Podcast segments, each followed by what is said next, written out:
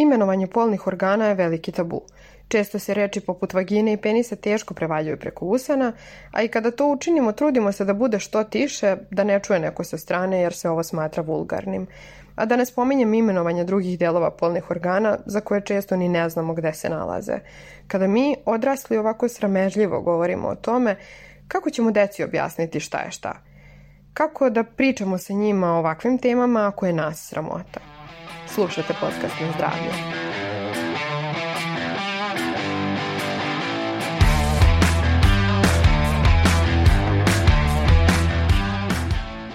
Moje ime je Nikolina Ilić i sa mnom ćete u narednih nekoliko meseci učiti o zdravlju. U ovom izdanju razgovarat ću sa dečijim psihologom iz prihvatilišta za decu i mlade Sigurna kuća u Novom Sadu, Milošem Rajićem, kao i sa Biljanom Grbović, autorkom priručnika za roditelje Volim što sam rodila baš tebe, baš takvu, odnosno takvu. U narednih 20 minuta govorit ćemo o tome zašto je važno sa decom razgovarati o polnim organima, zašto ih nazivati pravim imenima, kao i o tome kako treba početi sa uvođenjem dece u ovakve teme. Možda se pitate kakve sve ovo veze ima sa zdravljem. I možda mislite da nema nikakve, ali zapravo i tekako ima i tekako se tiče reproduktivnog zdravlja. Polni organi i zdravi i normalan odnos prema njima su važan deo zdravlja koji takođe spada u tabu teme. Ova epizoda osmišljena je tako da pomogne roditeljima i usmeri ih ka tome na koji način da razgovaraju o ovakvim temama sa svojom decom. Jer priča o reproduktivnom zdravlju treba da počne u ranom uzrastu ali ne iskrivljena slika o tome kako decu donose rode, možda ne piša umesto penisa, već predstavljanje stvari onakvi kakve jesu, imenovanje organa njihovim pravim imenima. Možda baš to što roditelji tepaju ili ne žele ili ne znaju kako da pričaju o ovome, decu vuče ka drugim izvorima informacija. Uče jedni od drugih, od starije dece, često i preko interneta, a tako ne stvaraju adekvatnu svest o reprodukciji i čitavoj sferi reproduktivnog zdravlja. Razgovori o svijesti svog tela su izuzetno bitni. Iako je bitno da taj razgovor obavljaju roditelji sa svojom decom, a ne da se oslanjaju na vaspitače i vaspitačice, okolinu, internet i slično. A zbog čega polnim organima ne treba da se tepa i zbog čega je generalno tepanje loše, objašnjava nam psiholog Miloš Rajić. U suštini, roditelji zapravo ne bi ni trebali da tepaju svojoj deci, Iako je to veoma kulturno prihvatljivo u našem društvu, gde roditelji upravo iz neke potrebe da detetu pokažu ljubav ili da, da nekako slat, slatkoračivije pričaju sa njim, često tepaju, a samim tim prave veliku grešku svojim, svojoj deci, jer se onda obraćaju nekim maznim tepavim glasom, ne razmišljajući o tome da deca zapravo od njih uče kako da govore i kako da se oponašaju, pa samim tim to tepanje zna da prouzrokuje nepravilan govor kod dece. Tako da mislim da ne bi ni trebalo da se tepa polnim organima, nego da se pravilno izgovaraju reči koje se tiče polnih organa i da se sa detetom priča u skladu sa njihovim razvojnim doba i mogućnostima, a samim tim, kao što sam i rekao, ne bi trebalo da se tepa polnim organima, već da se priča kao da se pravilno izgovaraju reči. Iako je Rajić rekao da tepanje nije dobro jer može da utiče na nepravilan govor kod dece, Biljana Grbović, autorka priručnika za roditelje Volim što sam rodila baš tebe, baš takvu ili takvog, ne beži od njega. Kako kaže, i umesto reči ruka, roditelji često govore ručica. Tako i za polne organe smatra da je takozvana srednja linija najbolja. Odnosno da to koji ćemo naziv za delove tela upotrebiti zavisi ne od uzrasta deteta, nego od mesta gde se nalazimo postoji i uglavnom za većinu delova naših tela imamo i onu srednju liniju koja nije ni medicinska, a nije ni, ni tepanje i nešto od toga uglavnom je ono što bih predložila za upotrebu. Već dete koje krene u školu može da kaže za, može da kaže nezgodno je sad upotrebiti ove reči, ali može da kaže guza, a može da kaže, na primjer, i stražnica, a ako je još zvaničnija situacija, može da kaže ovaj zadnji deo tela, pa tako već, jel, ovaj, e, ono gluteus bi bilo preterano, preforsirano, recimo to bi bilo samo za ambulantu. A kada treba početi uvoditi decu o priču o seksualnosti i polnim organima, objašnjava nam psiholog Miloš Rajić. Ukoliko bi hteli da pričamo sa detetom o, o temi seksualnosti ili nekim drugim temama koji se možda smatraju malo škakljivijim ili tabu temama u našem društvu, trebali bi pre svega da imamo dobar odnos sa detetom koji je recipročan, koji je pun obostranog i uzajemnog poverenja, da nam dete verujemo, da mi detetu verujemo, da, da poštujemo njegovu, njegov izbor, njegovu anticipaciju i svega. I kada vidimo da postoji taj dobar odnos, onda manje više možemo sa detetom pričati o svemu. Jer kada postoji taj odnos, kada je kvalitetno izgrađen, možemo da pričamo i o seksualnim temama. Dete neće biti sramote da pričamo o tome ukoliko nas nije sramota. Tako da smatram da u suštini sa detetom bi trebalo da se priča o seksualnosti od nekih najranijih doba. Istraživanja i nauka kaže da je možda pravo doba da se pokrenu isto te neke tema već ono pred početak osnovne škole, da se priča o odnosima među ljudima, kako nastaju bebe i sve. Tako da, kako nauka kaže, sa detetom bi trebalo da se priča o tim temama od najranijeg doba, poštujući njegove razvojne mogućnosti. Razgovarala sam sa drugaricom o tome kako smo mi saznale kako nastaje deca, na šta mi je ona rekla da se prvi put sa time susrela kroz priču sa starijim bratom. On joj je rekao da tata u ustima ima semenku koju kroz poljubac prenosi mami. Onda ta semenka ide u mamin stomak i iz njega se izlegne beba, baš kao kada posadiš seme bundeve u baštu pa čekaš da naraste. Dete u priču o seksualnosti, dakle, treba uvoditi postepeno. Važno je znati kako se njima razgovarati na odgovarajući način. Sasvim je normalna stvar sa decom od početka pričati o ovim temama, samo je bitno da se govori u skladu sa njihovim uzrastom. Biljana Grbović naglašava kako trogodišnjaci, ali i deca ranijeg uzrasta, često roditelje pitaju kako nastaju deca, ali da je njena preporuka govoriti im istinu u skladu sa njihovim godinama. Sasvim je u redu govoriti im o jajašcima, majčinoj posteljici, o tome kako dete pliva u stomaku majke, a da je u malo starijem uzrastu potrebno direktnije objašnjavati deci ovaj proces. Veoma je pogrešno ono što sam čula da u poslednje vreme se radi da roditelji na neki način, pogotovo dečake, čak i podstiču da gledaju pornografske sadržaje relativno rano, otprilike da bi bili veće muškarčine ili da bi kao i zainteresovali za suprotan pol. Ono što se kao posledica dešava dosta često, to je da dečaci, e, momci, muškarci, a, postaju zavisnici od pornografskih sadržaja i kasnije ih to čini neadekvatnim seksualnim partnerima u realnom životu. Međutim, o ovim temama zaista nije lako razgovarati, posebno sa decom. Mnogi roditelji kažu da ne znaju na kakav način im treba pristupiti i kada to treba da učine. Psiholozi naglašavaju da je jedan od najneprijatnijih momenta u životu roditelja, posebno onih novopečanih, onaj kada se suočavaju sa prvim znacima seksualnosti svog deteta, koje još uvek smatraju bebom. Možda bi vam pomalo čudno bilo kada biste detetu rekli penis umesto recimo piša. Ili kada biste malo dete čuli da svoj polni organ naziva penis. Ali to bi bilo čudno baš zato što smo mi navikli na to. Da je društvo naviknuto na to da se polnim organima ne tepa i naše uši bi navikle na to. U poslednje vreme stručnjaci stalno upozoravaju roditelje o tome kako je tepanje loše. Mnogi roditelji se trude da ga izbaci iz svakodnevnog govora, ali polni organi su nekako ostali skrajnuti. I dalje im se tepa i ne samo kada su u pitanju manja deca, već i osnovci. I gde to vodi? Istražujući malo više o ovoj temi i tražeći na internetu kako roditelji sve nazivaju polne organe kod dece, naišla sam na nešto što me jako zasmejalo, ali i nešto o čemu ne razmišljamo, a kada se tako postavi, zaista je logično i smisleno. Sajt Vukajlija ima pobrojane nazive od milja polnih organa, među kojima je i naziv pipi za vaginu. A komentar na to bio je, ali kažite vi meni sada – Šta dete da misli kada čuje reklamu za pipi salamu? Trebalo bi uvesti cenzuru za imenovanje pojedinih proizvoda. Ili bi jednostavno trebali nazivati stvari njihovim imenima. Jedan od izgovora za korišćenje ovih izraza jeste to da su oni prvi vulgarni i da decu treba zaštititi od vulgarnosti. Ali hajde malo da razmislimo.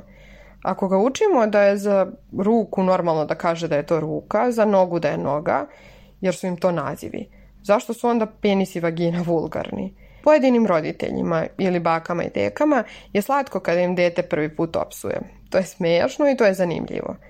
A onda to nije vulgarno. Ili ipak jeste. Dete od malih nogu učimo da je nešto ružno, zabranjeno, sramotno, umesto da ih kao roditelji uvedemo u priču. Jer je bolje da o tome pričaju sa roditeljima nego da u nekom trenutku svog života odluče da se seksualno obrazuju na internetu. Pitala sam psihologa Miloša Rajića šta kaže nauka.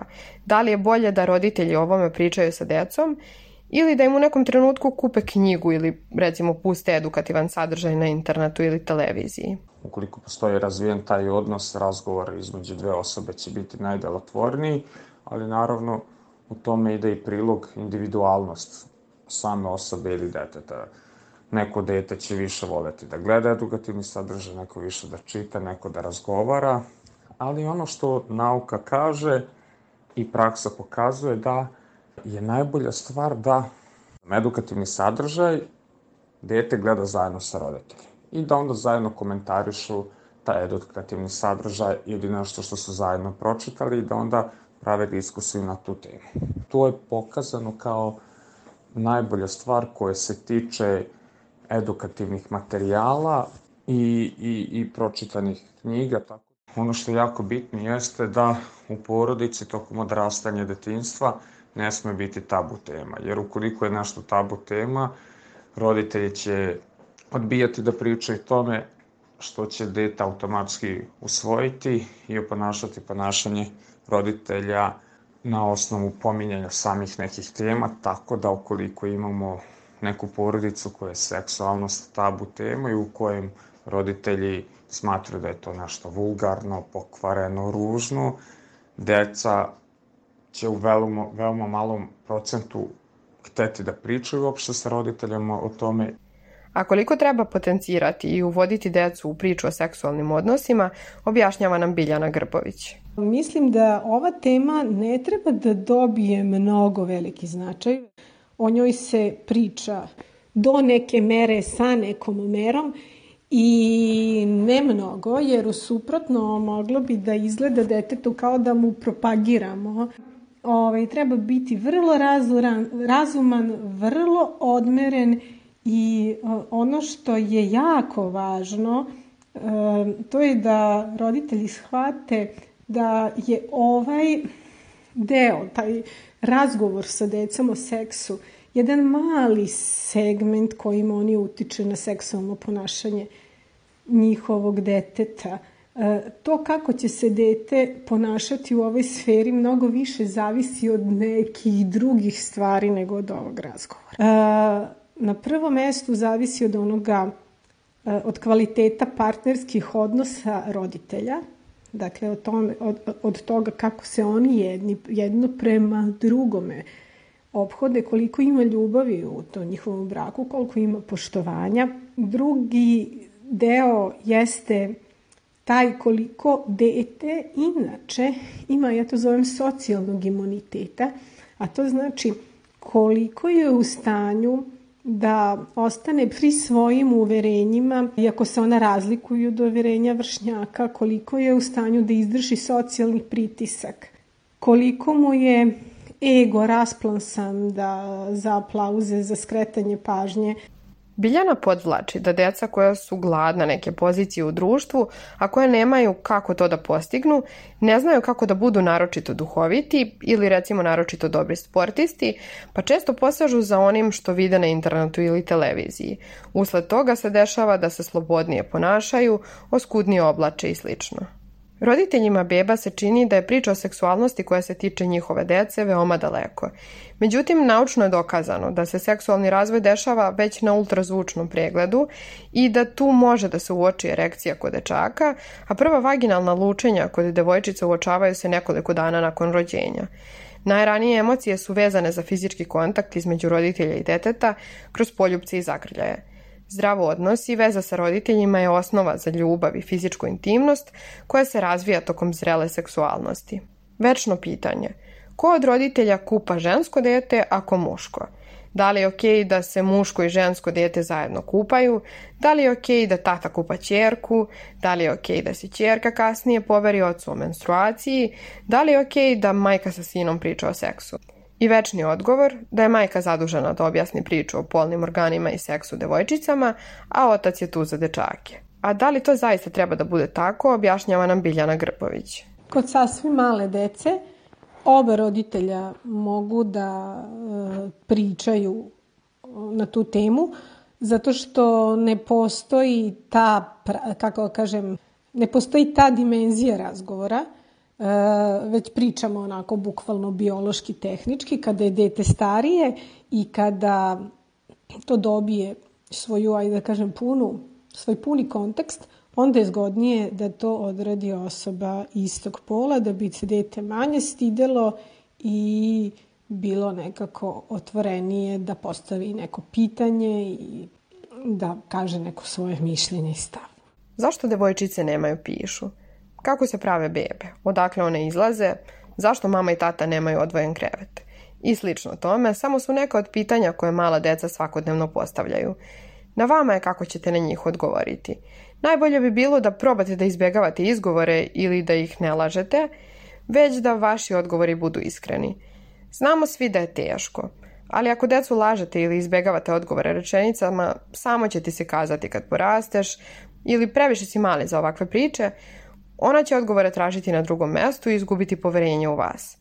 Ako u tom uzrastu steknu poverenje u vas, gledat će u vas kao u najbolje prijatelje tokom cijelog života i kada odrastu, odgovore na neka pitanja tražit će baš kod vas. Međutim, ono što je interesantno i na što psiholog Rajić stavlja akcenat jeste da nepričanje o seksualnosti nije od juče i da se danas možda i više sa decom priča nego ranije, da su danas roditelji ipak otvoreniji nego pre 20 ili 30 godina. Lično smatram da je većina to trenutno i mladih osoba ili generacije koji su iza nas redko kad pričali sa svojim roditeljima o temu seksualnosti, kako nastaju deca, kako, kako zapravo funkcioniše seks, šta je seks, čemu on služi i slično.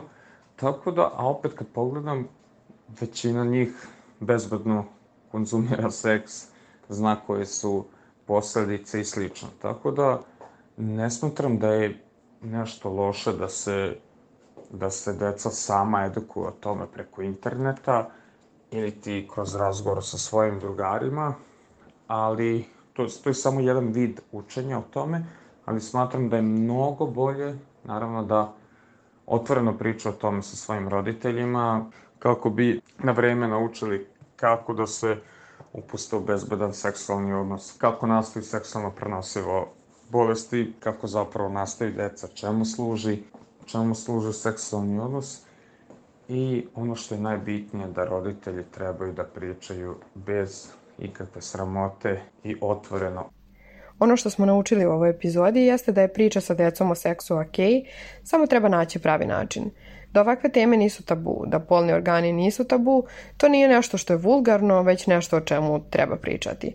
Takođe smo naučili da je priča o polnim organima i seksu jako bitna i za kasnije reproduktivno zdravlje deteta i da će se odraziti na njegov odnos prema partnerima. A za kraj, kako da roditelje podstaknemo da više pričaju sa decom i da posvete pažnju ovakvim temama? Treba pre svega ohrabriti roditelje da što više vremena provode sa decom, da što više pričaju sa svojim detetom, da kvalitetno provode vreme, da razvijaju detetovu samostalnost, njegovu autentičnost, njegovu individualnost, da poštuju njegove izbore, da uzim, uzimaju u obzir njegove izbore.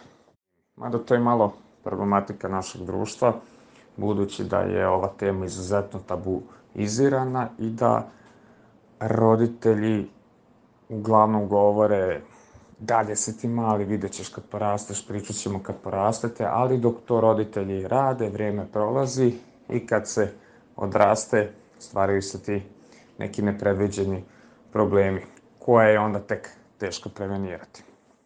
Mislim da većina roditelja danas je dosta otvorena na tu temu, ali možda im je neprijatno ili se osjećaju nevešti. Ovaj moja preporuka je da se ipak potrude, zato što prosto roditeljska odgovornost i um, zadatak koji mi kao roditelji treba da obavimo često za nas nosi mnoge neprijatne situacije pa se moramo, kako kažem, moramo biti spremni i na njih. Slušali ste podcast na zdravlje. Moje ime je Nikolina Ilića. Sa mnom su u ovom izdanju o imenovanju polnih organa kod dece i seksualnom razvoju razgovarali psiholog Miloš Rajić iz prihvatilišta za decu i mlade Sigurna kuća u Novom Sadu, kao i Biljana Grbović, autorka priručnika za roditelje Volim što sam rodila baš tebe, baš takvu, odnosno takvog. Podcast možete slušati na sajtu Fabrike kreativnosti, Podcast RS-u, Google podcastu, kao i Sounder FM-u. Hvala vam na pažnji i ostanite zdravi. Pozdravljam vas do sledećeg slušanja.